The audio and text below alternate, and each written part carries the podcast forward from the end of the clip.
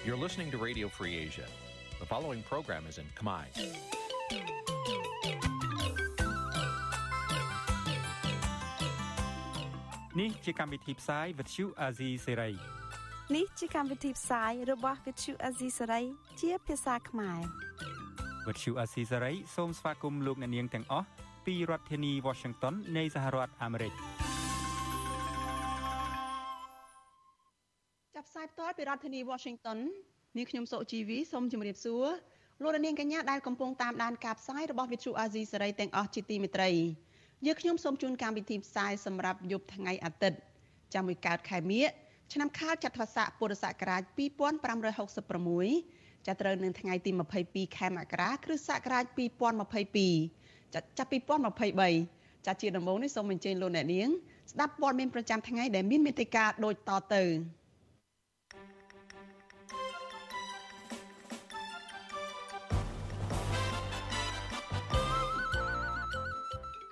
កម្មជនគណៈបកភ្លើងទៀននៅក្រៅប្រទេសធ្វើបាតុកម្មទាមទារឲ្យដោះលែងលោកថៃសេដ្ឋានិងសកម្មជននយោបាយក្នុងខួប19ឆ្នាំនៃឃាតកម្មលោកជាវិជាសាច់ញាតិនិងមេដឹកនាំសហជីពបន្តទាមទាររោគយុត្តិធម៌មន្ត្រីគណៈបកភ្លើងទៀនខេត្តបន្ទាយមានជ័យថាមិនមានសកម្មជនខ្លួនចុះចូលជាមួយគណៈបកកាន់អំណាចទេ សង្គមស៊ីវិលជំរុញរដ្ឋាភិបាលអនុវត្តការដាក់ទោសបំរើតាមសហគមន៍ឲ្យបានឆាប់រួមនឹងព័ត៌មានសំខាន់សំខាន់មួយចំនួនទៀតតាជាបន្តទៅទៀតនេះនាងខ្ញុំសុជីវីសូមជូនព័ត៌មានទីនេះពិស្ដាចលនានាងជាទីមេត្រីពលករខ្មែរដែលគាំទ្រគណៈបកភ្លើងទៀននៅក្រៅប្រទេសចាត់ចេញបាត់ធ្វើបាតុកម្មទាមទាររយុត្តិធម៌ជូនលោកថៃសិដ្ឋានិងអ្នកដែលកំពុងជាប់ឃុំដោយអយុត្តិធម៌ផ្សេងទៀត។ ពួកគេចាត់ទុកករណីទាំងនេះថាជាការធ្វើទុកបុកម្នេញផ្នែកនយោបាយហើយទាមទាររដ្ឋាភិបាលលោកហ៊ុនសែនដោះលែងអ្នកទោសមនសិការទាំងនោះឲ្យអស់នៅមុនការបោះឆ្នោតជាតិខាងមុខនេះចាចំណែកឯមន្ត្រីជាន់ខ្ពស់រដ្ឋាភិបាលវិញលើកឡើងថាករណីទាំងនោះគឺជាការអនុវត្តច្បាប់សុទ្ធសាធចាលោកនាងនឹងបានស្ដាប់សេចក្តីរាយការណ៍នេះពិស្ដានៅក្នុងការផ្សាយរបស់យើងនៅពេលបន្តិចទៀតនេះ ចលនានាងជាទីមេត្រីសេចក្តីរាយការណ៍តាក់ទងនឹងគណៈបកភ្លើងទៀនពីខេត្តបន្ទាយមានជ័យឯណោះឲ្យដឹងថាចាមន្ត្រីគណៈបកភ្លើងទៀនខេត្តបន្ទាយមានជ័យអះអាងថារចនាសម្ព័ន្ធឋានៈមូលដ្ឋានរបស់គណៈបកខ្លួនគឺនៅតែរឹងមាំដដែលដោយពុំមានសកម្មជនណាទៅចោះចូលជាមួយនឹងគណៈបកកាន់អំណាចនោះទេចាប់ប្រធានប្រតិបត្តិគណៈបកភ្លើងទៀនខេត្តបន្ទាយមានជ័យគឺលោកសិនវុធាលោកប្រាប់វិទ្យុអាស៊ីសេរីនៅថ្ងៃទី22ខែខែមករានេះថា ការដែលសារព័ត៌មានដែលស្និទ្ធនឹងលោកហ៊ុនសែនបានចុះផ្សាយថាសកម្មជនគណបកភ្លើងទៀនចុះចូលគណបកកណ្ដាលអំណាចក្នុងចំនួនដ៏ច្រើនរហូតដល់ទៅជិត700នាក់នោះគឺជារឿងមិនពិតឡើយលោកបញ្ជាក់ថាអ្នកចុះចូលជាមួយគណៈបកកណ្ដាលអំណាចដែលអាជ្ញាធរបានថតរូបហើយចុះផ្សាយនៅក្នុងសារព័ត៌មានក្នុងស្រុកនោះគឺភាគច្រើនជាពលរដ្ឋធម្មតាមិនមែនជាសកម្មជនគណៈបកភ្លើងទៀននោះទេ លោកបន្ថែមថារចនាសម្ព័ន្ធមូលដ្ឋានរបស់គណៈបកភ្លើងទៀនគឺមានសាមគ្គីភាពរឹងមាំដើម្បីត្រៀមចូលរួមប្រកួតប្រជែងនៅក្នុងការបោះឆ្នោតជ្រើសតាំងតំណាងរាស្ត្រនៅឯខែកក្កដាខាងមុខនេះ។ ភ្លើងទៀនធ្វើគឺចង់បានតែផលប្រយោជន៍ជូនប្រជាពលរដ្ឋទេជាពិសេសគឺយើងចង់បានទៀនផលរបស់គាត់ហើយនឹងភាពស្អាតស្អំក្នុងក្នុងការជាការធ្វើការងារមូលដ្ឋានបញ្ហាអយុត្តិធម៌ផ្សេងៗឬក៏គាត់ចង់បានអសរីភាពផ្លូវចិត្តហ្នឹងឯងខ្លាំងជាងគេគឺគាត់ដឹងថាមានតែគណៈបកភ្លើងទៀនទេ ចប្រតិកម្មរបស់មន្ត្រីគណៈបកភ្លើងទៀននៅឯខេត្តបន្ទាយមានជ័យនេះចាធ្វើឡើងបន្ទាប់ពីសារព័ត៌មានដែលស្និទ្ធនឹងលោកហ៊ុនសែនបានចុះផ្សាយនៅថ្ងៃទី22ខែមករាថាសកម្មជនគណៈបកភ្លើងទៀនចំនួន675នាក់នៅឯខេត្តបន្ទាយមានជ័យនេះបានចុះចូលជាមួយគណៈបកកណ្ដាលអំណាចកាលពីថ្ងៃទី14ខែមករាដោយសារតែពួកគេមើលឃើញថាការដឹកនាំនោះគ្មានជំហររងមាំនិងប្រកាន់បកពួកនិយមជាដើម។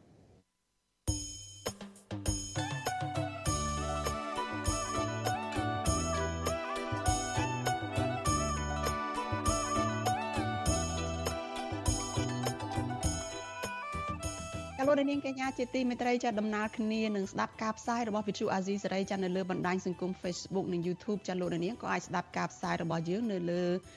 វិទ្យុរលកធាតុអាកាសខ្លីចា SW តាមកម្រិតនិងកម្ពស់ដូចតទៅនេះពេលព្រឹកចាប់ពីម៉ោង5កន្លះដល់ម៉ោង6កន្លះ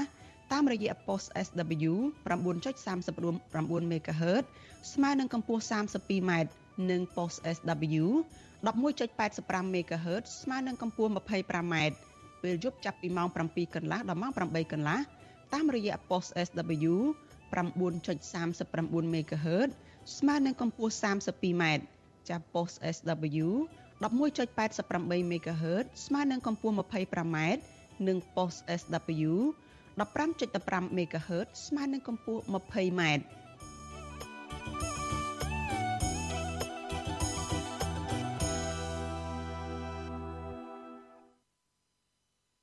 ចាលោកនាងកញ្ញាជាទីមេត្រីចាថ្ងៃទី22ខែមករានេះចាជាថ្ងៃខួប19ឆ្នាំនៃករណីឃាតកម្មបាញ់សម្លាប់មេសហជីពល្បីឈ្មោះចាស់គឺលោកជាវិជា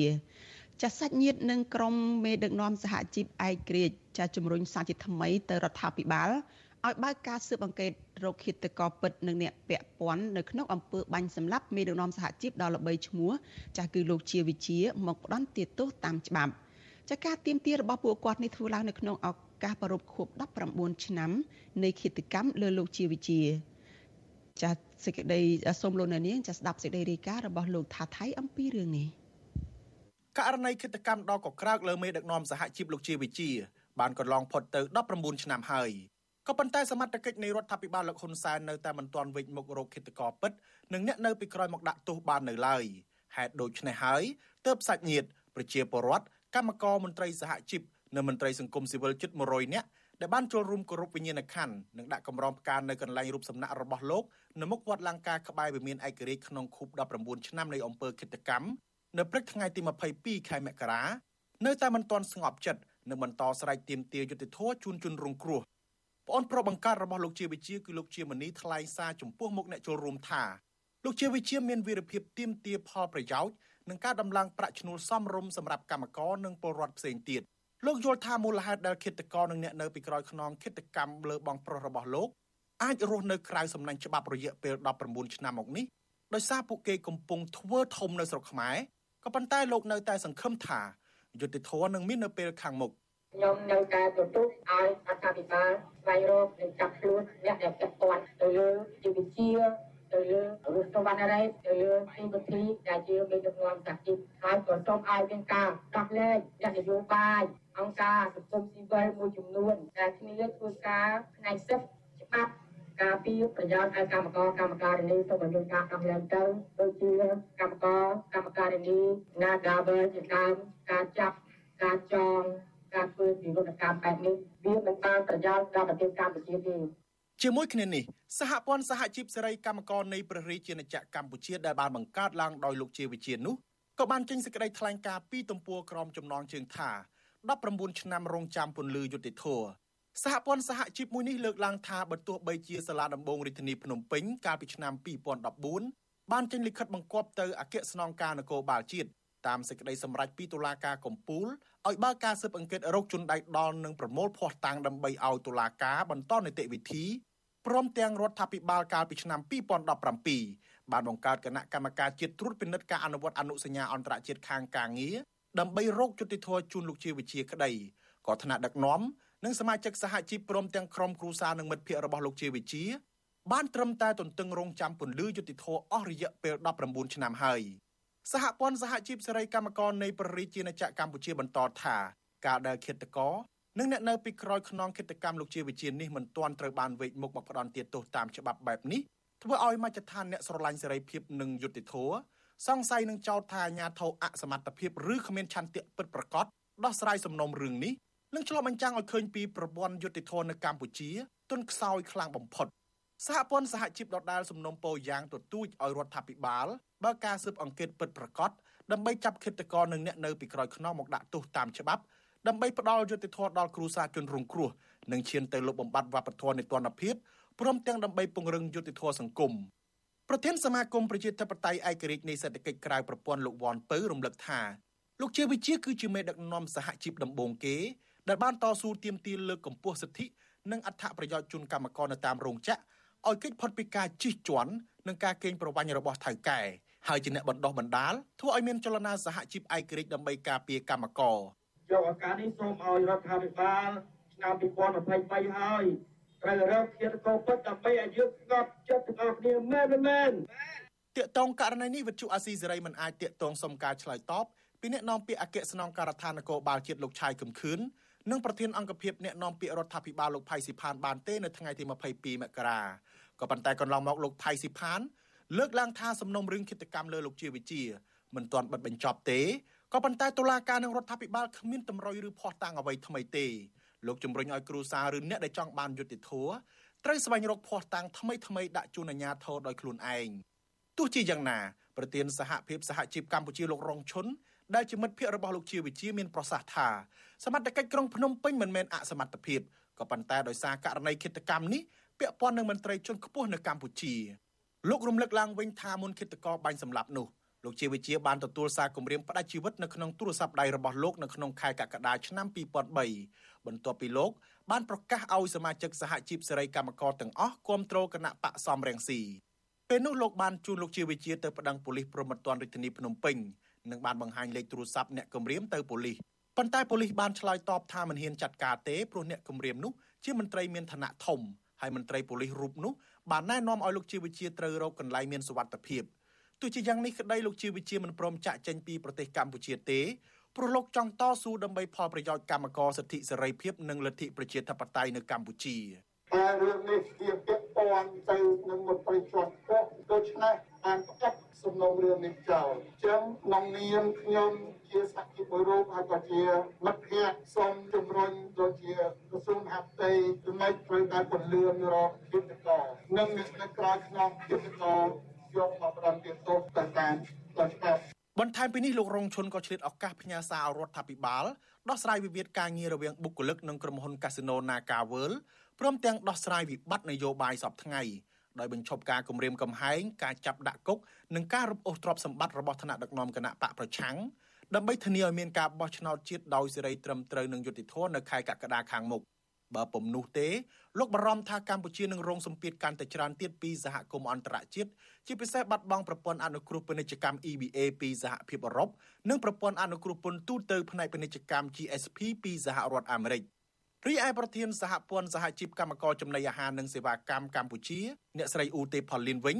អ្នកស្រីស្នើឲ្យកម្មករសហជីពនិងអ្នកតស៊ូផ្សេងទៀតបន្តស្មារតីរបស់លោកជាវិជាតទៅទៀតបើទោះបីជានៅពេលខាងមុខត្រូវប្រឈមមុខនឹងការរារាំងនិងការបិទគប់ឬស្ថានភាពអាក្រក់បែបណាក៏ដោយតើឲ្យអ្នកកំពុងនៅរស់ទាំងឡាយអ្នកក៏មានសិទ្ធិសម្រេចចិត្តអំណាចសម្រេចចិត្តនៅពេញដៃធ្វើសេចក្តីល្អតាមពេលខ្លួននៅមានជីវិតហើយញញឹមមុនពេលលាចាក់លោកនេះទៅណា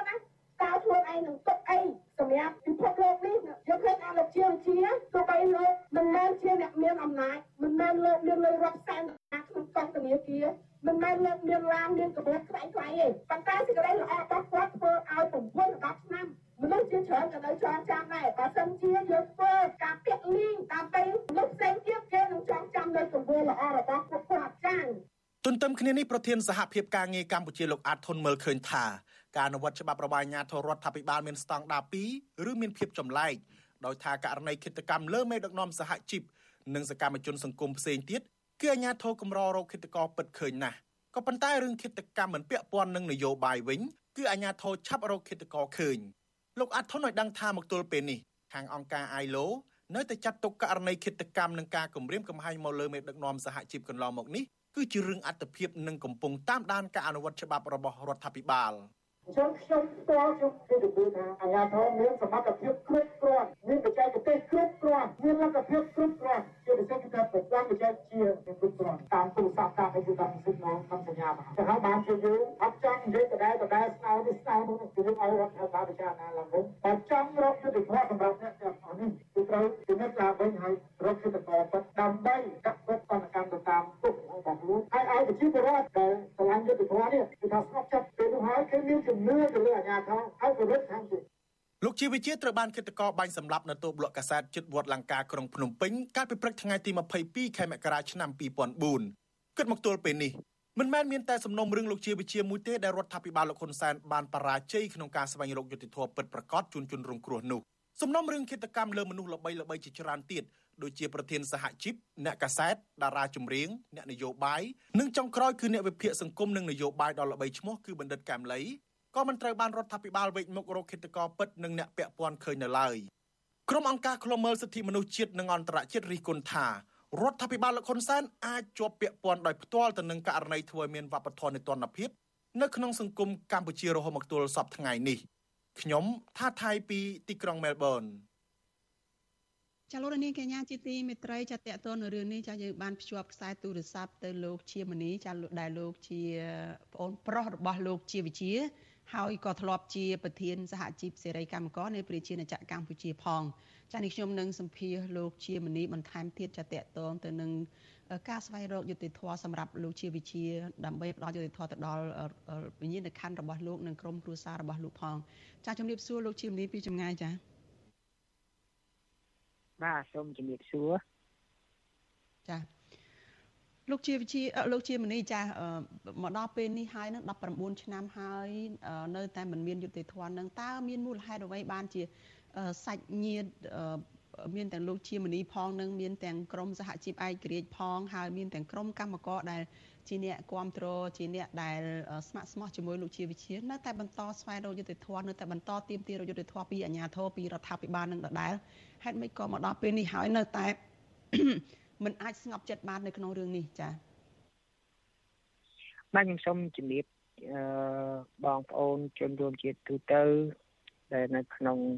ប្រទេសកម្ពុជាក៏ដូចនៅក្រៅប្រទេសផងដែរខ្ញុំសូមជំរាបថាអឺកិច្ចកម្មមួយទៅលើលោកជាវិជាកាលពីថ្ងៃទី22មករាឆ្នាំ2004រហូតមកដល់បច្ចុប្បន្នគឺរយៈពេល19ឆ្នាំ19ឆ្នាំជិត20ឆ្នាំហើយ ហើយបើយើងប្រៀបធៀបទៅករណីកិច្ចកម្មដទៃទៀតគឺគេងាយរកឃើញឆាប់ឆាប់ក្នុងរយៈពេលតែ2 3ម៉ោងនេះអញ្ចឹងទេយើងមើលឃើញច្បាស់ថាកិច្ចកម្មទៅលើមេដឹកនាំសហជីពលោកជាវិជាក្តីលោករស់សវណ្ណរតក្តីលោកភីវិធីក្តីសិស្សឹងតែជាមេដឹកនាំសហជីពប៉ុន្តែប៉ុណ្ណោះក៏មានអឺមេដឹកនាំសង្គមស៊ីវិលឬក៏ជាអ្នក វិភាគសង្គមអ្នកការពារប្រៃឈើលក្ខណៈលក្ខយើងឃើញថារដ្ឋាភិបាលអត់ទាន់មានចំណាត់ការនៅឡើយអញ្ចឹងបង្ហាញថារដ្ឋាភិបាលនៅតែលាក់លៀមបើតែនៅលាក់លៀមគឺជាការវិនិច្ឆ័យរបស់បងប្អូនប្រជាពលរដ្ឋទាំងអស់ក៏ដូចជាអង្គការសិទ្ធិមនុស្សក្នុងស្រុកឬក៏អង្គការ ILO បានមើលឃើញថារដ្ឋាភិបាលមាន ភាពពាក់ព័ន្ធជាមួយនឹងកិច្ចកម្មលើលោកជាវិជាគឺគេនិយាយចំចំតែម្ដងគេនិយាយថាកិច្ចកម្មនេះមានលក្ខណៈបាត់បង់នៅកិច្ចករដែលមិនទាន់យកផកកាត់ទោសដើម្បីឲ្យក្រុមគ្រួសារសាច់ញាតិលោកជាវិជាទទួលបានយុត្តិធម៌រួមជាមួយនឹងបរិយាឬក៏កូនរបស់គាត់ដែលមានវ័យច្រើនឆ្នាំហើយហើយ កិច្ចកម្មនេះគឺអ្នកណាអ្នកណាក៏ដឹងដែរថាគឺជាកិច្ចកម្មដែលរដ្ឋាភិបាលអសមត្ថភាពក៏អាចថាបានឬក៏រដ្ឋាភិបាលពាក់ព័ន្ធបានជារដ្ឋាភិបាលមិនមានវិធានការក្នុងការស្វែងរកនៅជនដៃដាល់និងអ្នកនៅខ្សែខ្នងបាននេះអឺវាមិនមែនជារយៈពេល1ឆ្នាំ2ឆ្នាំទេវារយៈពេល19ឆ្នាំមកហើយបាទ ចាលោកជាមនីអឺក្នុងរឿងនេះដែរនឹងអឺថាតើក្នុងផ្លូវចិត្តនឹងយ៉ាងណាទៅ ជាសាច់ញាតិរបស់លោកជាវិជានឹងមកដល់ពេលនេះនឹង19ឆ្នាំហើយនៅតែទន្ទឹងតែយុត្តិធម៌នឹង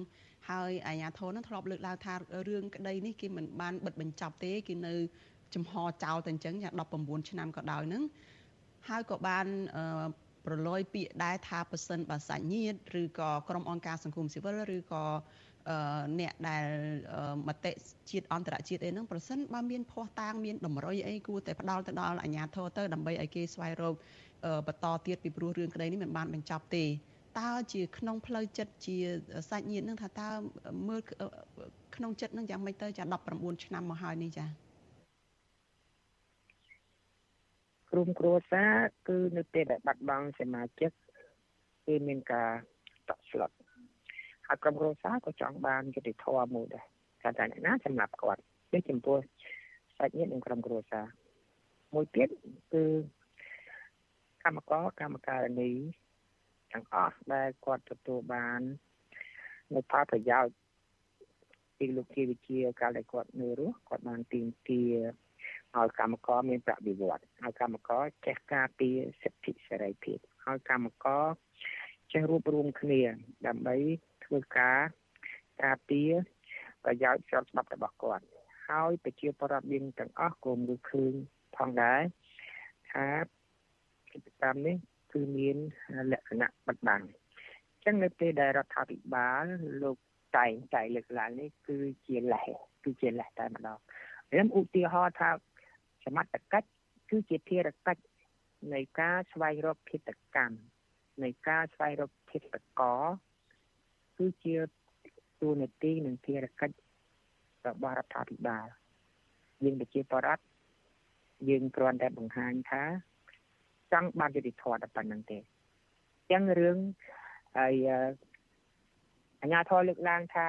បង្ហាញតែជាឧទាហរណ៍ឧទាហរណ៍ថាដល់ទីបង្ហាញតែអ្នកឯងហ៊ានចាប់អត់តែអ្នកឯងហ៊ានចាប់អត់រយៈពេលកន្លងមក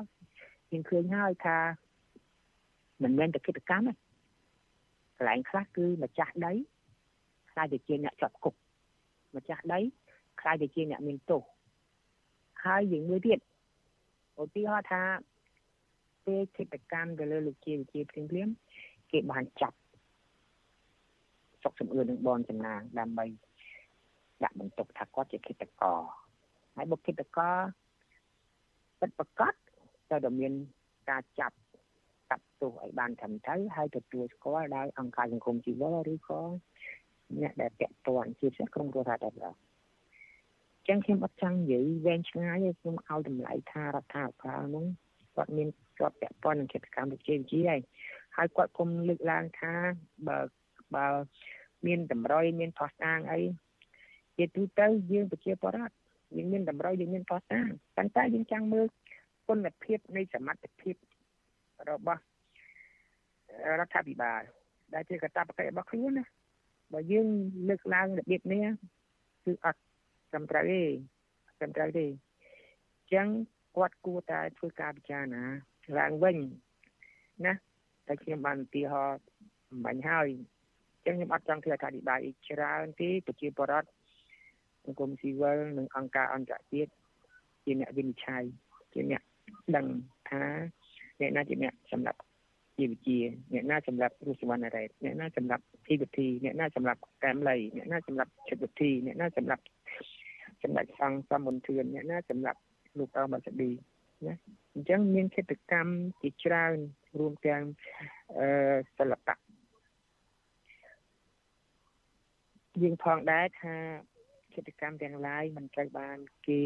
វែកញែកនិងរកយុត្តិធម៌ឲ្យទេទាំងអស់នេះគឺជាឧទាហរណ៍មួយហើយ ថារដ្ឋាភិបាលអសមត្ថភាពឬក៏រដ្ឋាភិបាលមិនមានសមត្ថភាពខ្ញុំស្ដាប់ព័ត៌មានទាំងឡាយរដ្ឋាភិបាលតែងតែមោទនភាពថារដ្ឋាភិបាលមានឯកទេសជំនាញណាសិក្សាគ្រប់ជ្រុងជ្រោយគ្រប់ករណីក៏ដោយប៉ុន្តែហេតុអីបានជាករណីកិច្ចកម្មលើលោកជាវិជានឹងហេតុអីបានជាមិនមានបច្ចេកទេសមិនមានជំនាញមិនបានសិក្សាគ្រប់ជ្រុងជ្រោយ អានឹងសំដួលងាយស្រួលទេប៉ុន្តែខ្ញុំគិតថារដ្ឋាភិបាលដូចជាមិនសូវជាខ្មាស់អៀនអត់សូវជាខ្មាស់អៀនបើអត់សូវជាខ្មាស់អៀនមានន័យថារដ្ឋាភិបាលគាត់បិទបាំងសេដ្ឋកិច្ចហើយបាទ19ឆ្នាំហើយវាយូរពេកហើយបាទចាលោកជាមនី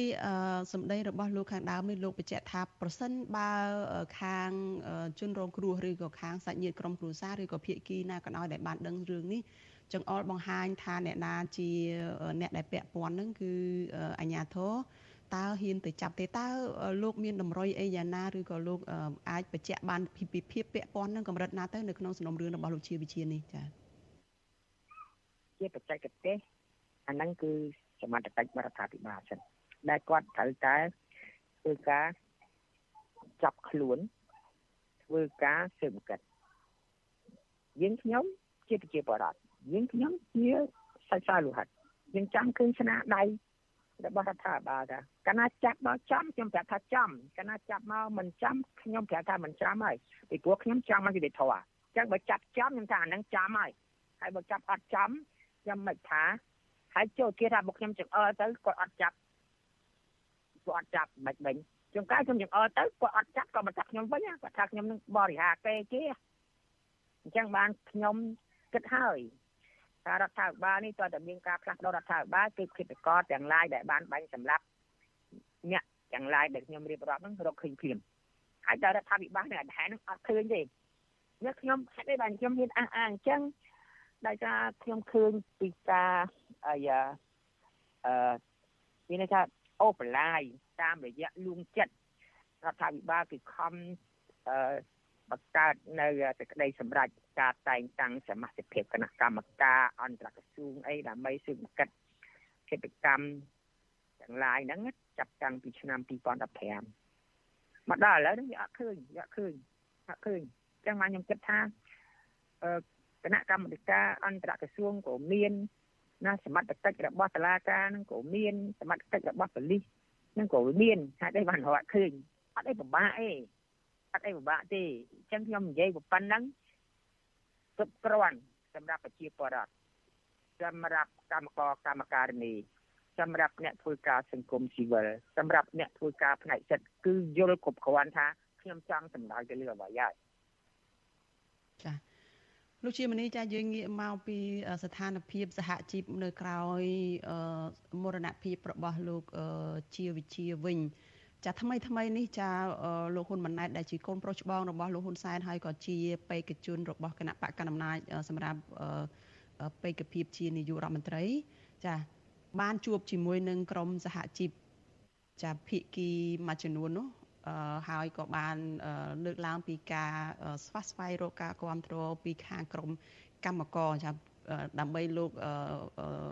ចូលរួមការបោះឆ្នោតនៅពេលណាមួយនោះគឺប្រកាសជាចង់បានការគ្រប់គ្រងពីខាង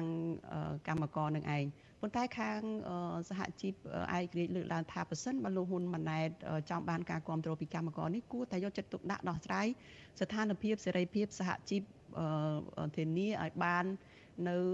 សហជីពនៅតាមកន្លែងការងារជាពិសេសស្ថានភាពចុងក្រោយគឺតាក់ទងនឹងក្រុមហ៊ុន Naga World អីជាដើមនេះចាចំពោះលោកជាមនីវិញលោកមើលឃើញយ៉ាងណាត្រង់ចំណុចនេះចាសូមលោកខ្លីៗចាវាមិនមានប្រសិទ្ធភាពក្នុងការជួបកម្មករកម្មការិនីឬក៏មេដឹកនាំសហជីពដើម្បីបានការគ្រប់គ្រងគឺអត់អត់ទេមិនអាចទេគេមានឧទាហរណ៍ដូចជាអឺសហជីព Nagavel មួយយើងដោះស្រាយអត់ចេញផងហ្នឹងទី2កម្មករកម្មការរនីមួយចំនួនទៅធ្វើការក្នុងប្រទេសថៃសួរខាងអ្នកណាដែលចង់ទៅធ្វើការនៅប្រទេសថៃណាចឹងទេយើងអត់មានកើតនៅឧស្សាហកម្មឬការងារក្នុងស្រុកដើម្បីតាក់ទាញពួកគាត់ចឹងទេគាត់មើលឃើញគាត់គាត់មិនមានគាត់មិនមានចំណុចចិត្តហើយនឹងគាំទ្រទេទី3យើងមើលជាទូទៅឃើញថា សហជីពនៅក្នុងប្រទេសកម្ពុជាគឺ90%គឺជាសហជីពគ្រប់តរដ្ឋាភិបាលសហជីពឯករាជ្យណាមានតិចមានតិចសឹងថា100យ៉ាងច្រើនមាន4 5ទេ4 5ទេអញ្ចឹងជាទស្សនភាពយើងឃើញថាមានសហជីពមានអីច្រើនមែនប៉ុន្តែសហជីពខ្លះគឺជាសហជីពដើម្បីតែជា អាជីពទេមិនបានប្រើសិទ្ធិសេរីភាពរបស់ខ្លួនជាតំណាងឲ្យកម្មករការពារកម្មករទេអញ្ចឹងរាល់ការដែលការចុះជួបនេះដឹកនាំសហជីពក្តីជួបកម្មករក្តីនឹងខ្ញុំគិតថាវាអត់បានផលអីទេអ្វីដែលបានផលយើងដោះស្រាយ Nagavel ហ្នឹងទៅហើយយើងធ្វើមិនឲ្យមានទំនុកចិត្តដល់អ្នកវិនិយោគដើម្បីឲ្យគេមកវិនិយោគវិញ ខ្ញុំគិតថានេះគឺជាការធ្វើឲ្យល្អមើលតែគុណភាពវាអត់ទទួលបានទេអត់កម្មករអត់មានការងារធ្វើផងហ្នឹងតិចទៀតអស់ការងារធ្វើហើយប្រសិនជាសេរីភាពប្រជាធិបតេយ្យណានៅតែរដ្ឋបတ်ការចាប់អ្នកនយោបាយការចាប់សង្គមស៊ីវិលគេរិះគន់ទង្វើខុសមិនបាន ហហើយខ្លួនចង់ឲ្យមានការងារដល់កម្មករខ្ញុំគិតថាมันអាចមានទេខ្ញុំលើកឡើងនេះខ្ញុំលើកឡើងខ្លីៗទេព្រោះវារឿងរាវវាច្រើនដែលធ្វើឲ្យប្រជាពលរដ្ឋឬកម្មករកម្មការនេះមិនមានជំនឿទុកចិត្តទៅរដ្ឋាភិបាលកម្ពុជាទេហើយជាខ្ញុំទៅជាខ្ញុំទៅចង់ចុះជួបប្រមាណពាន់លានទៀតក៏ពុំមានការគ្រប់គ្រងដែរគ្រាន់តែថាគេមកគេមកអញ្ចឹងដែរប៉ុន្តែទឹកចិត្តរបស់គេយើងមិនមើលដឹង គាត់ថាមកជួបជុំមកញ៉ាំបាយមកទទួលអំណោយអានឹងគេមកប៉ុន្តែផលប្រយោជន៍អាភាពជាក់ស្ដែងនៅក្នុងក្រុមគ្រួសាររបស់គេបាច់បាក់ខ្ញុំគិតថា ប្រហែលជាមិនទទួលបានលទ្ធផលទេបាទគេបានលទ្ធផលចាអរគុណច្រើនលោកជាមនីចាដែលបានផ្ដល់ការសម្ភាសនៅយុគនេះចាជូនពរសុខភាពល្អចាជំរាបលាលោកត្រឹមប៉ុណ្ណេះចាបាទអរគុណសូមជំរាបលាបាទ ចាលោកនាងកញ្ញាជាទីមេត្រីចាក្រមពលករខ្មែរនៅឯក្រៅប្រទេសចាបានចេញមកធ្វើបាតុកម្មចាទៀមទីឲ្យមានការដោះលែងលោកថៃសិដ្ឋាដែលជាអនុប្រធានគណៈបកភ្លើងទៀនរួមនឹងអ្នកដែលកំពុងជាប់ឃុំដោយអយុត្តិធម៌ផ្សេងទៀតចាពួកគេចាត់ទុកករណីទាំងនោះថាគឺជាការធ្វើទុកបុកម្នេញផ្នែកនយោបាយចាដែលរដ្ឋាភិបាលលោកហ៊ុនសែនគួរតែដោះលែងអ្នកទោសមនសិការទាំងនោះឲ្យមានសេរីភាពមកវិញទាំងអស់នៅមុនការបោះឆ្នោតជាតិនៅក្នុងឆ្នាំ2023នេះ ចាមន្ត្រីជាន់ខ្ពស់រដ្ឋាភិបាលថាករណីនេះគឺជាការអនុវត្តច្បាប់សុទ្ធសាធចាតកតនៅរឿងនេះចានេះខ្ញុំក៏នៅមានសម្ភារផ្ទាល់មួយជាមួយនឹងតំណាងគណៈបកភ្លើងទៀននៅឯប្រទេសកូរ៉េខាងត្បូងចាដែលក្រមអ្នកគ្រប់គ្រងគណៈបកភ្លើងទៀននៅទីនោះបាននាំគ្នាចេញធ្វើកោតកម្មដើម្បីទាមទារឲ្យដោះលែងលោកថៃសិដ្ឋាដែរចាសូមអញ្ជើញលោកអ្នកនាងរងចាំតាមដានសេចក្តីរាយការណ៍នេះនិងបទសម្ភាសន៍នេះនៅក្នុងការផ្សាយរបស់យើងនៅពេលបន្តិចទៀតនេះ ចាលោកនាងជាទីមេត្រីព័ត៌មានដាច់ដライមួយទៀតចាស់មន្ត្រីអង្គការសង្គមស៊ីវិលនិងសកម្មជនដែលធ្លាប់ជាប់ពន្ធនាគារស្នើសុំរដ្ឋាភិបាលអនុវត្តការដាក់ ទោសជាការងារបម្រើនៅតាមសហគមន៍ឲ្យបានឆាប់ឆាប់ដើម្បីផ្ដល់ឱកាសឲ្យអ្នកទោសទទួលបានឱកាសសម្របខ្លួនរស់នៅក្នុងសហគមន៍ចាការស្នើសុំបែបនេះធ្វើឡើងបន្ទាប់ពីរដ្ឋមន្ត្រីក្រសួងមហាផ្ទៃលោកសខេងកាលពីពេលថ្មីថ្មីនេះបានលើកឡើងថាក្រសួងមហាផ្ទៃនិងក្រសួងយុទ្ធភ័ពកំពុងសហការគ្នាដើម្បីឲ្យមានការអនុវត្តទោសការងារនៅតាមសហគមន៍ចាសសូមស្ដាប់សេចក្តីរាយការណ៍របស់លោកជីវិតាអំពីរឿងនេះ បើទោះបីជាច្បាប់ព្រហ្មទណ្ឌបានចែងឲ្យមានការដាក់ទោសការងារសហគមន៍តាំងពីឆ្នាំ2007ក្តីក៏រហូតមកដល់ពេលនេះតុលាការមិនទាន់បានប្រើប្រាស់ច្បាប់នេះម្ដងណាឡើយ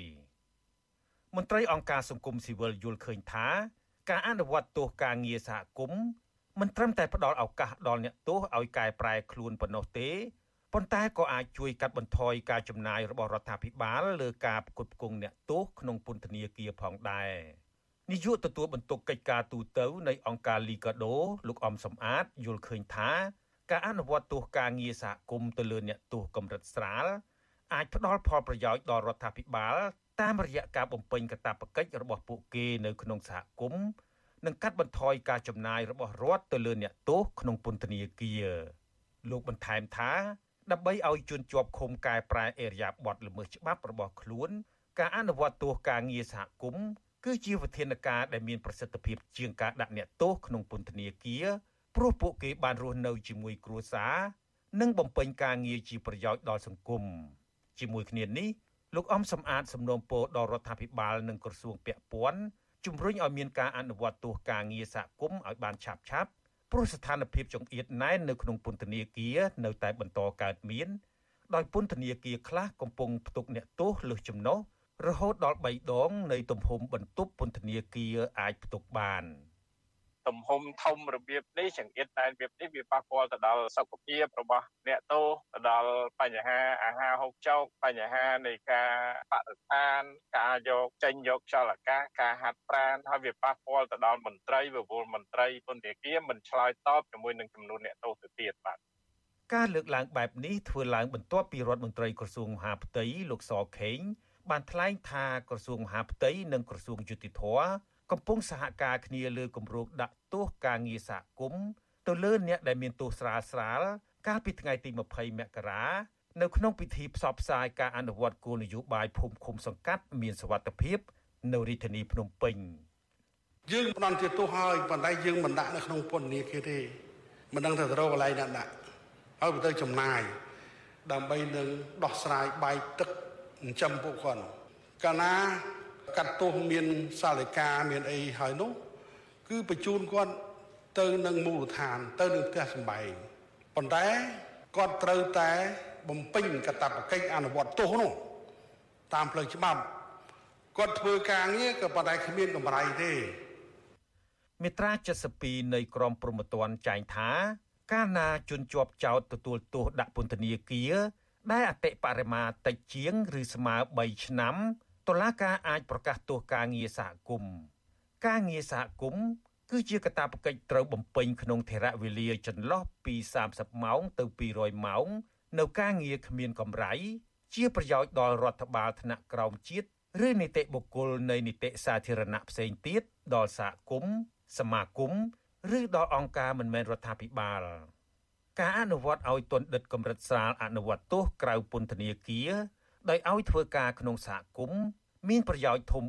3ទី1គឺជួយកាត់បន្ថយភាពចង្អៀតណែនក្នុងពន្ធនាគារដែលជាវត្ថុបំណងនៃមាត្រា72នៃក្រមព្រហ្មទណ្ឌទី2កាត់បន្ថយការចំណាយថវិការដ្ឋនិងទី3គឺបានផលប្រយោជន៍ដល់សហគមន៍នៅពេលទណ្ឌិតអាចជួយធ្វើកិច្ចការសម្រាប់សហគមន៍ដូចជាសម្អាតអនាម័យផ្លូវថ្នល់ សាលារៀនការងារក្នុងមជ្ឈមណ្ឌលមនុស្សចាស់ឬដាំដើមឈើជាដើមជុំវិញរឿងនេះសកម្មជនបរិស្ថាននឹងធ្លាប់បានជាប់ពន្ធនាគារកន្លងមក គឺលោកថនរដ្ឋាគាំទ្រឲ្យរដ្ឋាភិបាលអនុវត្តទោសការងារសហគមន៍ឲ្យបានឆាប់ឆាប់ព្រោះលោកយល់ថាការដាក់ពន្ធនាគារក្នុងពេលបច្ចុប្បន្នมันអាចកែប្រែអេរយាប័តរបស់ជនល្មើសបានឡើយលោកបន្ថែមថា អ្នកទោសនៅក្នុងពន្ធនាគារ មិនត្រឹមតែមិនទទួលបានការបណ្ដុះបណ្ដាលវិជ្ជាជីវៈឬសិលធម៌ប៉ុណ្ណោះទេប៉ុន្តែពួកគេថែមទាំងបានបង្រៀនគ្នាទៅវិញទៅមកអំពីវិធីក្នុងការប្រព្រឹត្តបទល្មើសដូចជារបៀបកាច់សោកម៉ូតូរបៀបគាស់ផ្ទះនិងជាពិសេសពួកគេបានកសាងបណ្ដាញចែកចាយគ្រឿងញៀនបន្ទាប់ពីពួកគេចេញពីពន្ធនាគារទៀតផង។ ខ្ញុំខ្លួនឯងផ្ទាល់ជាប់នៅពន្ធនាគារព្រៃសរហ្នឹងយើងមានភាពចង្អៀតណែនមែនតើដែលគេហៅថាសម្រាប់សិទ្ធិសេរីភាពបើទោះបីជាយើងជាជនជាប់ឃុំបាត់បង់សេរីភាពមួយចំនួនមែនប៉ុន្តែវាដូចជាកន្លែងធ្វើទរណកម្មបន្ថែមអញ្ចឹងវាមិនជាទីកន្លែងអប់រំកែប្រែណាធ្ងន់ធ្ងរជាងនេះទៅទៀតនោះអ្នកទោសក្នុងពន្ធនាគារនៅកម្ពុជាមិនត្រឹមតែគ្មានឱកាសទទួលបានការកែប្រែខ្លួនប៉ុណ្ណោះទេ ប៉ុន្តែពួកគេភ័យច្រើនធ្លាក់ខ្លួនឈឺស្លេកស្លាំងដោយសារគ្មានអាហារដែលមានជីវជាតិបរិភោគនិងមិនបានចេញពីបន្ទប់ឃុំឃាំងហាត់ប្រាណគ្រប់គ្រាន់លើសពីនេះដោយសារមន្ត្រីគ្រប់គ្រងពន្ធនាគារដាក់អ្នកទោសឲ្យរស់នៅជាមួយគ្នាចង្អៀតណែនគឺចាប់ពី25នាក់ទៅ30នាក់ក្នុងបន្ទប់ដែលមានទំហំ4គុណ5ម៉ែត្រធ្វើឲ្យអ្នកទោសភៀសច្រើនកើតជំងឺរមាស់និងឆ្លងគ្នាទៅវិញទៅមក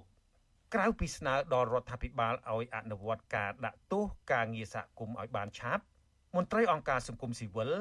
ក៏ស្នើសុំឲ្យរដ្ឋាភិបាលអនុវត្តការដាក់ទោសនេះដោយតម្លាភាពនិងយុត្តិធម៌ផងដែរព្រោះកន្លងមកតែមានការរិះគន់ថា ការលើកលែងទោសដល់អ្នកទោសមិនបានធ្វើឡើងដោយភាពត្រឹមត្រូវ និងយុត្តិធម៌នោះឡើយខ្ញុំជីវិតាអាស៊ីសេរី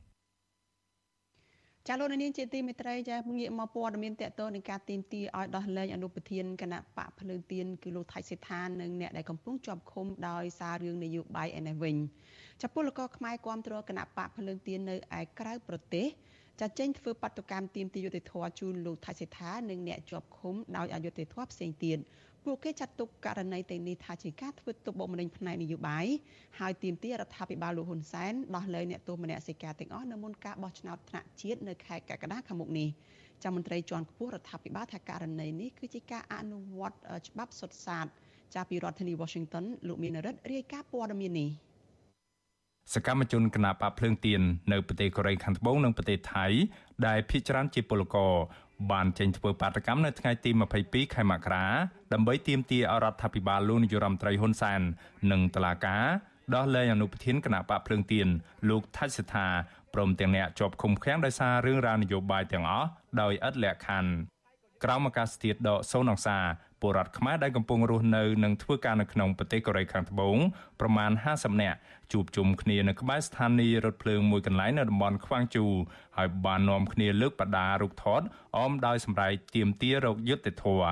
អនុប្រធានសាខាគណៈបកភ្លើងទៀននៅកូរ៉េខាងត្បូងលោកសែមសម្បត្តិប្រាវិសុយស៊ីស្រីថា បបាតកម្មបានប្រព្រឹត្តទៅដោយរលូនលួចដឹងថាក្រុមអ្នកចូលរួមបានបញ្ចេញមតិពោពេញដោយការឈឺចាប់ចំពោះស្ថានភាពនយោបាយនៅកម្ពុជា ដែលកំពុងធ្លាក់ចុះលោកបន្តថាបាតកម្មនៅពេលនេះក្រុមបាតកោចង់ផ្ញើសារទៅរដ្ឋាភិបាលលោកហ៊ុនសែននិងតុលាការកម្ពុជា ថាការចាប់ខ្លួនលោកថៃសេដ្ឋាជារឿងមិនត្រឹមត្រូវព្រោះករណីបែបនេះតែងតែកើតមានឡើងជារឿយៗចំពោះគណៈបពប្រឆាំង លោកបញ្ជាក់ថាបើសិនជារដ្ឋាភិបាលដឹកនាំដោយគណៈបកប្រជាជនកម្ពុជា ចង់បានភាពស្របច្បាប់ពីសហគមន៍ជាតិនិងអន្តរជាតិនោះរដ្ឋាភិបាលគួរតែបើកលំហប្រជាធិបតេយ្យបញ្ឈប់ការចាប់ចងដោះលែងអ្នកទោសមនសិការឲ្យមានសេរីភាពឡើងវិញដើម្បីឲ្យពួកគេអាចចូលរួមប្រកួតប្រជែងការបោះឆ្នោតនាខែកក្កដាខាងមុខនេះវាមិនមែនជារឿងល្អហើយមិនមែនជារឿងចំណេញដល់ប្រជាពលរដ្ឋទេវាជារឿងខាតទៅវិញទេពីព្រោះការចាប់ចងនេះអន្តរជាតិ ក៏ដូចជាបងប្អូនប្រជាពលរដ្ឋទូទាំងពិភពលោកនេះគឺគាត់អត់មានសុបាយចិត្តទេក៏អត់បានគ្រប់គ្រងដែរដូច្នេះនាមខ្ញុំជាពលករក្នុងនាមខ្ញុំជាក្រុមការងារខ្ញុំសូមសំណូមពរសម្ដេចក៏ដូចគណៈប្រជាជនឬក៏តឡាការហ្នឹងតម្លាក់បទចោតប្រកាន់ទាំងអស់ហើយយើងចាប់ដៃគ្នាហើយយើងកសាងនាវាកសាងប្រទេសជាតិឲ្យបានរីកចម្រើនទៅមុខទាំងអស់គ្នាចំណែកសកម្មជនបកភ្លើងទៀននិងពលករខ្មែរធ្វើការនៅប្រទេសថៃប្រមាណ50នាក់វិញពួកគេក៏បានប្រមូលផ្ដុំគ្នាដែរ ពួកគេរៀបចំធ្វើពិធីបែបសាសនាកោសក់ក្នុងវត្តមួយកន្លែងនៅស្រុកស៊ីរាឆាខេត្តឈុនបុរីដើម្បីបង្ហាញទៅកាន់សាធារណជន អំពីការកាន់ទុកនិងទាមទារយុត្តិធម៌ជូនលោកថៃសេដ្ឋានិងអ្នកទោសមនសិការដែលកំពុងជាប់ឃុំដោយយុត្តិធម៌នាពេលកន្លងមក កម្មករគាំទ្រគណៈបកភ្លើងទៀនក៏បានរៀបចំសម្ដែងឈុតឆាករឿងខ្លីៗបង្ហាញពីស្ថានភាពនៅក្នុងសង្គមសពថ្ងៃដែលពលរដ្ឋខ្មែររងគ្រោះពីអំពើអយុត្តិធម៌ការរំលោភដីធ្លីជាដើមតំណាងពលករខ្មែរម្នាក់ដែលគាំទ្រគណៈបកភ្លើងទៀននៅប្រទេសថៃហើយបានចូលរួមកោសក់លោកឆនសុខឿនថ្លែងថាពិធីនេះរៀបចំឡើងដើម្បីប្រឆាំងរដ្ឋាភិបាលលោកហ៊ុនសែនដែលរំលោភបំពានសិទ្ធិមនុស្សនិងប្រជាធិបតេយ្យ លោកយល់ថាការចាប់ខ្លួនលោកថៃសេដ្ឋាមិនមែនជាការអនុវត្តច្បាប់នោះឡើយតែករណីនេះគឺជាការបំបាក់ស្មារតីកម្លាំងគ្រប់គ្រងគណៈបកភ្លើងទៀននៅមុនការបោះឆ្នោត គោលបំណងធំរបស់យើងគឺឲ្យយើងធ្វើពិធីមួយកោសក់ដើម្បីស្នើទៅរដ្ឋាភិបាលឲ្យដោះលែងអ្នកទោសមនសិការហើយជាពិសេសនោះគឺផ្ដោតសំខាន់ទៅលើអាយដាមថៃសិដ្ឋាជាអនុប្រធានគណៈបកព្រឹងទៀនហើយទី2គឺយើងធ្វើនេះគឺដើម្បីស្នើទៅដល់អន្តរជាតិដើម្បីឲ្យឃើញថារដ្ឋាភិបាលលោកហ៊ុនសែនកំពុងតែរំលោភសិទ្ធិដល់គណៈបកប្រឆាំង អាញាធរដ្ឋាភិបាលលោកហ៊ុនសែនបានចាប់ខ្លួនលោកថៃសិដ្ឋាកាលពីថ្ងៃទី16ខែមករាបន្ទាប់ពីអនុប្រធានគណៈបកភ្លើងទៀនរូបនេះទើបវិលត្រឡប់មកពីជួបជុំពលករខ្មែរនិងទៅរៀបចំរចនាសម្ព័ន្ធរបស់គណៈបកភ្លើងទៀននៅប្រទេសកូរ៉េខាងត្បូងនិងប្រទេសជប៉ុនតឡាការបានចោទប្រកាន់លោកថៃសិដ្ឋាពាក់ព័ន្ធនឹងការចេញសាច់អត់លុយនិងបានបញ្ជូនលោកទៅឃុំខ្លួននៅពន្ធនាគារព្រៃសរភ្លាមៗ ឆ្លើយតបនឹងរឿងនេះប្រធានអង្គភិបអ្នកណែនាំពាក្យរដ្ឋាភិបាល លោកផៃស៊ីផានថ្លែងថាបាតកម្មរបស់ក្រមពលរដ្ឋខ្មែរនៅក្រៅប្រទេសគឺជាការបញ្ចេញមតិរបស់ពួកគេក៏ប៉ុន្តែលោកចោទថាអ្នកដែលយកករណីចាប់ខ្លួនលោកថៃសិដ្ឋានិងសកម្មជនបពប្រឆាំងមកផ្សារភ្ជាប់នឹងរឿងនយោបាយនោះគឺជាអ្នកបំផ្លាញគោលការណ៍យុត្តិធម៌ដែលធ្វើឲ្យសង្គមច្របូកច្របល់ មានការខត់ខ្លួន មានការឃុំខ្លួនគឺវាស្ថិតនៅក្នុងទិសដៅនៃការអនុវត្តតាមគោលការណ៍យុត្តិធម៌ដែលមានអង្គហេតុបូកជាមួយនឹងផតតាហើយនឹងអង្គច្បាប់ដូច្នេះគ្មានប្រការណាតែតែក្រៅតែពីមេធាវីទេដែលលោកតបតាំងនៅសាលាពិនិច្ឆ័យក្តី ទូយ៉ាងណាគណៈបកភ្លើងទៀននិងក្រុមអ្នកខ្លំមើលចាត់ទុកថាការចាប់និងឃុំខ្លួនលោកថៃសេដ្ឋាគឺជារឿងនយោបាយនិងជារូបភាពនៃការគំរាមកំហែងដើម្បីបំបាក់ស្មារតីប្រជាពលរដ្ឋខ្មែរមិនឲ្យចូលរួមក្នុងសកម្មភាពនយោបាយជាមួយគណៈបកភ្លើងទៀនក្រុមអ្នកខ្លំមើលយល់ថាជារឿយរឿយរដ្ឋាភិបាលលោកហ៊ុនសែនតែងប្រើតឡាការជាឧបករណ៍ដើម្បីចាប់អ្នករិះគន់ដាក់ពន្ធនាគារ ហើយតែងតែប្រឌិតបទចោទប្រកាន់មិនសមរម្យផ្សេងៗដើម្បីបង្ខូចកិត្តិយសរបស់ពួកគេថែមទៀតផង ដូចជាករណីលោកថាច់សិដ្ឋាជាដើមជុំវិញរឿងនេះប្រធានសមាគមការពារសិទ្ធិមនុស្សអាត់ហុកលោកនីសុខាយល់ឃើញថាការតវ៉ាដោយសន្តិវិធី របស់ពលរដ្ឋខ្មែរនៅក្រៅប្រទេសស្នើឲ្យរដ្ឋាភិបាលដោះលែងលោកថៃសថានិងសកម្មជនដទៃទៀតនោះ គឺជាសិទ្ធិសេរីភាព និងជាការសម្ដែងឆន្ទៈរបស់ពួកគាត់ដែលរដ្ឋាភិបាលគួរតែយកចិត្តទុកដាក់ស្ដាប់និងឆ្លើយតបជាវិជ្ជមានចំពោះសំណើទាំងនោះ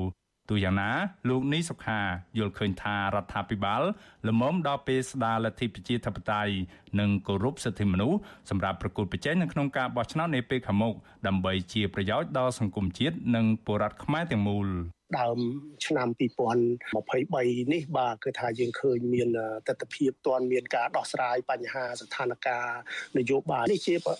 បង្ហាញអំពីសញ្ញាណមួយដែលយើងមើលឃើញថាអាចវាជះឥទ្ធិពលទៅដល់បរិយាកាសមុនការបោះឆ្នោតនេះវាជារូបភាពដែលមិនធ្វើឲ្យបរិយាកាសមុនការបោះឆ្នោតនេះអាចប្រព្រឹត្តទៅបានដោយបរិយាកាសសេរីបរិយាកាសមួយដែលល្អបាទនេះតែជាងទាំងអស់គ្នាមានកំពុងតែមានការព្រួយបារម្ភ កិនមកទល់ពេលនេះមានសកម្មជនគណៈបពប្រឆាំងនិងក្រុមអ្នករិះគន់រដ្ឋាភិបាលប្រមាណ60នាក់ហើយកំពុងជាប់ឃុំនៅក្នុងពន្ធនាគារដោយសារតែការអនុវត្តសិទ្ធិសេរីភាពរបស់ពួកគេបច្ចុប្បន្នគណៈបកប្រជាជនកម្ពុជា បានប្តឹងថ្នាក់ដឹកនាំគណៈបកភ្លើងទៀនទៅតុលាការដូចជាករណីលោកសុនឆៃលោកគង្គគំនិងបានរឹបអូសទ្រព្យសម្បត្តិរបស់ពួកគាត់ហើយករណីចុងក្រោយនេះតុលាការបានចាប់ឃុំខ្លួនលោកថាច់សិដ្ឋាទៀត ចំណែកលោកនាយរដ្ឋមន្ត្រីហ៊ុនសែនបានគម្រាមប្រើប្រាស់អំពើហិង្សានិងប្តឹងគណៈបកភ្លើងទៀនថែមទៀតផងក្រោយពីអាញាធររដ្ឋាភិបាលលោកហ៊ុនសែនចាប់ខ្លួនលោកថៃសេដ្ឋា ស្ថានទូតសហរដ្ឋអាមេរិកនៅកម្ពុជា បានជំរុញឲ្យអាញាធរកម្ពុជាពង្រឹងលទ្ធិប្រជាធិបតេយ្យសេរីភូប៉ាដោយអនុញ្ញាតឲ្យមានទស្សនៈនយោបាយផ្ទុយជំរុញឲ្យមានការប្រគល់ប្រជែងតាមរយៈការបោះឆ្នោតដោយសេរីនិងយុត្តិធម៌សម្រាប់ភាគីទាំងអស់ព្រមទាំងលើកកម្ពស់ការផ្លាស់ប្តូរគំនិតយោបល់ដោយសេរីនិងបើកចំហ ជាមួយគ្នានេះស្ថានទូតសហរដ្ឋអាមេរិកក៏ជំរុញឲ្យរដ្ឋាភិបាលកម្ពុជាបើកឲ្យមានសេរីភាពនៃការប្រមូលផ្ដុំនិងការចងក្រងជាសមាគមព្រមទាំងបើកឲ្យសង្គមស៊ីវិលនិងប្រព័ន្ធផ្សព្វផ្សាយអាចបំពេញការងាររបស់ពួកគេបានដោយសេរីផងដែរខ្ញុំបានមេរិត Visual C ស្រីពីរដ្ឋធានី Washington ចាលោកនាងជាទីមេត្រីចាក្នុងរឿងនេះចានេះខ្ញុំបានភ្ជាប់ប្រព័ន្ធវីដេអូ Skype ចាទៅលោកអនចន្ទថន ចាដែលលោកជាប្រធានគណៈបកភ្លើងទៀនសាខាប្រចាំនៅប្រទេសកូរ៉េខាងត្បូងចាលោកនឹងជុំជជែកបន្ថែមអំពីការតវ៉ារបស់ក្រមពលករខ្មែរនៅឯប្រទេសកូរ៉េខាងត្បូងនេះចាសូមជម្រាបសួរលោកចន្ទថនពីចម្ងាយចាបាទសូមជម្រាបសួរបាទចា លោកចន្ទថនឃើញការតវ៉ានេះចាខាងបាតកោនឹងឃើញមានលើកស្លាកជាច្រើន ហើយស្លាកនឹងភាកច្រើននឹងឃើញថាសរសេរជាភាសាកូរ៉េទេតើ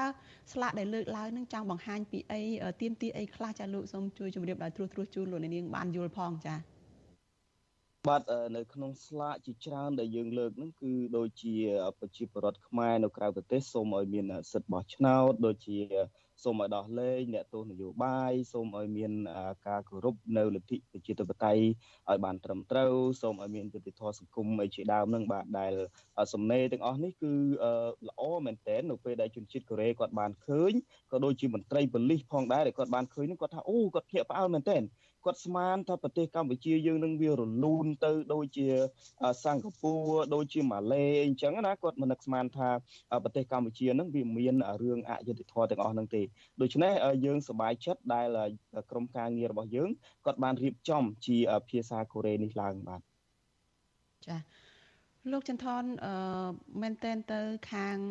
អាជ្ញាធររដ្ឋាភិបាលអះអាង ជាច្រើនមកហើយសំបីតលោកយមត្រីហ៊ុនសែនហ្នឹងក៏បានបញ្ជាក់ដែរថាករណីដែលចាប់ខ្លួនសកម្មជននយោបាយជាពិសេសការចាប់ខ្លួនលោកថៃសិដ្ឋាអនុប្រធានគណៈបកភ្លើងទៀនថ្មីចុងក្រោយនេះគឺតកតងទៅនឹងការអនុវត្តច្បាប់សុនសាស្ត្រដូចជាករណីរបស់លោកថៃសិដ្ឋានេះគឺតកតងនឹងការចោទប្រកាន់ថាលោកនឹងមិនបានអនុវត្តត្រឹមត្រូវ ទៅតាមច្បាប់ទេនៅក្នុងការដែលលោកចេញសាច់ដែលពុំមានសាច់ប្រាក់ទៅម្ចាស់បំណុលអីជាដើមនឹងអឺដូច្នេះមានន័យថាសំណុំរឿងអស់ទាំងនេះគឺជាសំណុំរឿងដែលស្ថិតនៅក្នុងដៃតុលាការដែលអាជ្ញាធររដ្ឋាភិបាលលើកឡើងថាគេមិនអាចជួយសម្រួលអីដើម្បីដោះស្រាយឬក៏ដោះលែងអ្នកទាំងអស់នឹងមកទេតើការទៀមទានៅពេលនេះនឹងអាចមានអធិពលទេឬក៏ក្នុងគោលដៅនឹងយ៉ាងណាខ្លះបន្ថែមពីលើ ការទីមទីឲ្យមានការដោះលែងនេះចា៎អឺតាមពិតទៅ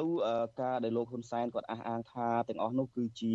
ចំណាត់ការរបស់រដ្ឋាភិបាលមិនពាក់ព័ន្ធទៅនឹងរឿងនយោបាយគឺជាការដែលតឡាការអនុវត្តផ្លូវច្បាប់ទេមិនពាក់ព័ន្ធទៅនឹងរឿងនយោបាយអីទេនោះអឺខ្ញុំគិតថាខ្ញុំអាចនិយាយឲ្យខ្លីចុះថាមេឃដឹងដីដឹងបាទ មេឃដឹងដីដឹងពីព្រោះអីពីព្រោះយើងគិតថារឿងករណីរបស់លោកថាជាថានេះវាកើតឡើងមកតាំងពីឆ្នាំពី2019បាទមកដល់ពេលនេះវា3ឆ្នាំទៅហើយហើយតាមរយៈមេធាវីរបស់ឯអាដាមថាជាថាគឺលោកជុងជងីគាត់បានបញ្ជាក់ហើយថាករណីនេះគឺបានដោះស្រាយគ្នា ចប់សពគ្រប់ទៅហើយចុះហេតុអ្វីឡើយមកអនុវត្តម្ដងទៀតនៅពេលនេះដែលកម្ដៅនយោបាយមានន័យថាអ្នកគ្រប់គ្រងគណៈបកភ្លើងទៀនដែលកំពុងតែផុសផុលច្រើនឡើងច្រើនឡើងនៅក្នុងការចូលរួមនេះហេតុអ្វីបានជាទៅតែមកចាប់នៅពេលនេះបាទនេះជារឿងមួយហើយមួយទៀតពាក់ព័ន្ធទៅនឹងទង្វើដែលយើងធ្វើនៅក្នុងការទៀមទានេះ គឺអ្វីត្បិតតែអ្នកចូលរួមវាមិនមានច្រើនកកអីដូចពីមុនមែនប៉ុន្តែយើងនៅតែបន្តធ្វើយើងធ្វើដោយមិនអស់សង្ឃឹមយើងធ្វើរហូតតតែយើងមានពន្លឺនៃលទ្ធិប្រជាធិបតេយ្យការគោរពសិទ្ធិមនុស្សឲ្យបានត្រឹមត្រូវកើតមានពិតប្រាកដនៅលើទឹកដីខ្មែរបើសិនជាមិនមានទេយើងនៅតែបន្តធ្វើទៅមុខជារៀងរហូតដូច្នេះយើងធ្វើនេះទោះបីជាបានតិចក្តីច្រើនក្តីគឺយើង ត្រូវតែធ្វើហើយយើងត្រូវនៅតែបន្តធ្វើទៅមុខទៀតបាទយើងសង្ឃឹមបាទយើងនឹងធ្វើហើយយើងនៅតែសង្ឃឹមថាថ្ងៃណាមួយ វានឹងមានការកែប្រែពិតប្រាកដដែលកើតមានឡើងនៅលើទឹកដីកម្ពុជាបាទចាលោកសង្ឃឹមថាការតវ៉ារបស់ក្រមអ្នកគ្រប់គ្រងគណៈបកភ្លើងទៀននៅក្នុងប្រទេសកូរ៉េខាងត្បូងនឹងអាចជំរុញរដ្ឋាភិបាលកែប្រែផ្លាស់ប្ដូរទៀតឬក៏មានមធ្យោបាយអីផ្សេងទៀតដែរ អឺខ្ញុំគិតថាតិចឬច្រើនរដ្ឋាភិបាលត្រូវតែយកចិត្តទុកដាក់ឬក៏ពិចារណាផងដែរពីព្រោះសម្រែករបស់ពួកយើងគឺជាសម្រែករបស់ប្រជាពលរដ្ឋហើយពួកយើងគឺជាខ្មែរគឺជាពលរដ្ឋខ្មែរគឺជាម្ចាស់ប្រទេសដូច្នេះសម្រែករបស់យើងទោះជាតិចក្តីច្រើនក្តីរដ្ឋាភិបាលត្រូវតែយកចិត្តទុកដាក់រដ្ឋាភិបាលត្រូវតែងាកមកមើលបាទចាកន្លងមកនឹងការតវ៉ារបស់ក្រមពលករខ្មែរចា ច្រើនណាស់មានតាំងពី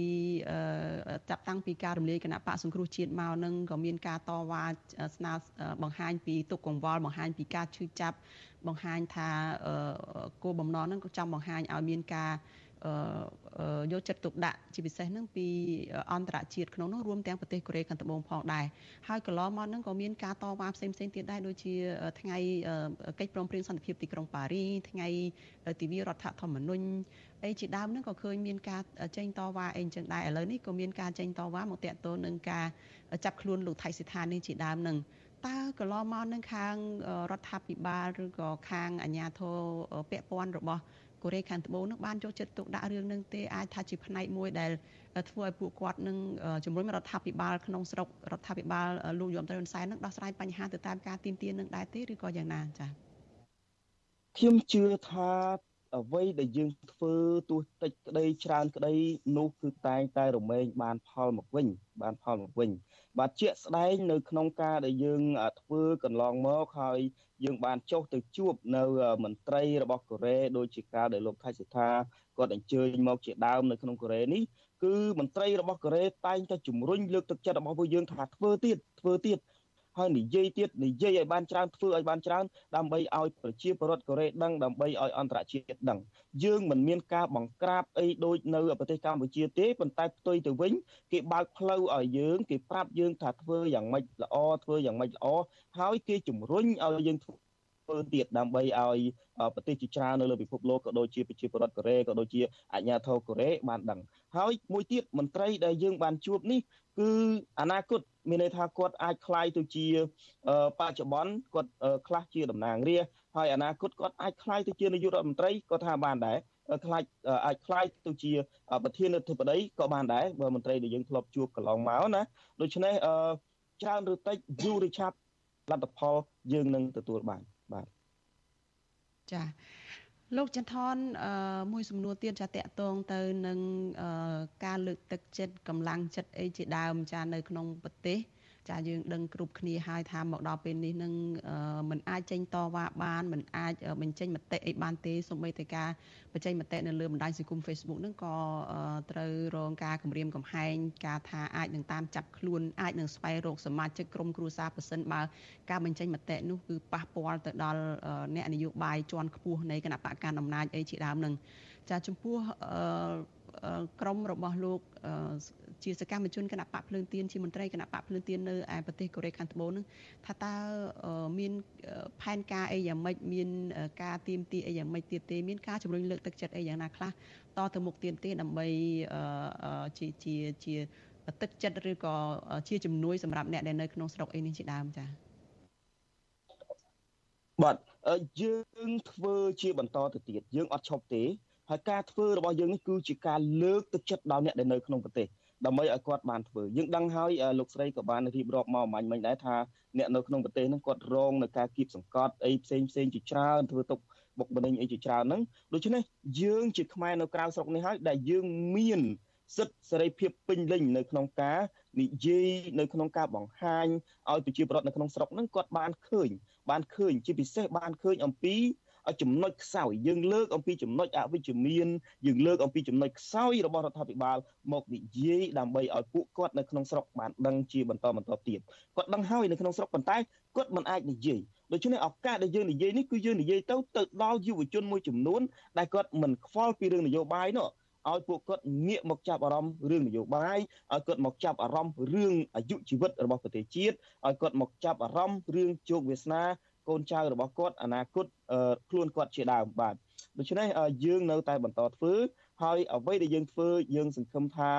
ហើយបន្តិចម្ដងបន្តិចម្ដងនឹងដាស់តឿននៅសតិអារម្មណ៍ប្រជាពលរដ្ឋមួយចំនួនដែលគាត់នៅក្នុងស្រុកដែលគាត់ភ័យខ្លាចទៅនឹងការគំរាមកំហែងពីសំណាក់អាជ្ញាធរនៅក្នុងប្រទេសកម្ពុជា ហើយខ្ញុំក៏មានសារផ្ដាំផ្ញើទៅដល់អ្នកដែលភ័យខ្លាចផងដែរថា បើយើងខ្លាចស្លាប់យើងខ្លាចរងគ្រោះប៉ុន្តែថ្ងៃខាងមុខយើងគង់តែស្លាប់គ្មានអ្នកណាម្នាក់ចាស់សក់ទេហើយទៅថ្ងៃខាងមុខក៏